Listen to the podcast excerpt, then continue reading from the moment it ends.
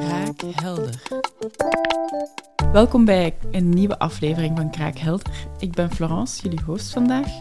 En ik heb Matthias hier bij mij, die opnieuw een, uh, een zeer belangrijke HR-vraag gaat beantwoorden. Dag Matthias. Dag Florence. Hoe gaat het? Zeer goed. En met u? goed, goed. Dank u om hier uh, opnieuw aanwezig te zijn.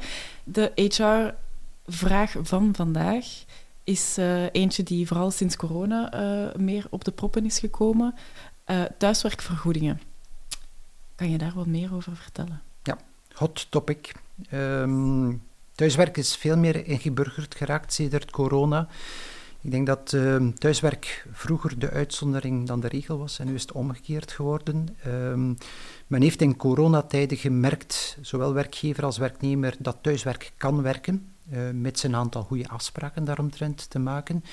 En zeker in situaties waarbij dat het thuiswerk dan verder gezet wordt, um, dan komt de vraag onvermijdelijk op de proppen van wat met de thuiswerkvergoeding.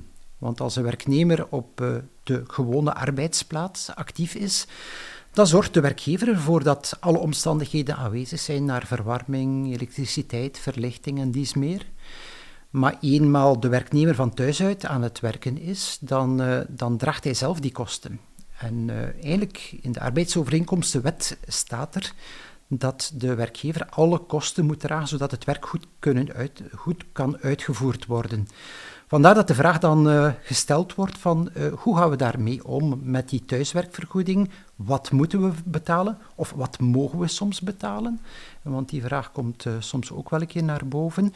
Wel, um, er een fiscus en bepaalde spelregels vastgelegd. En ik heb het hier wel degelijk over het zogenaamde structureel thuiswerk, dat op een regelmatige basis uitgevoerd wordt van thuis uit.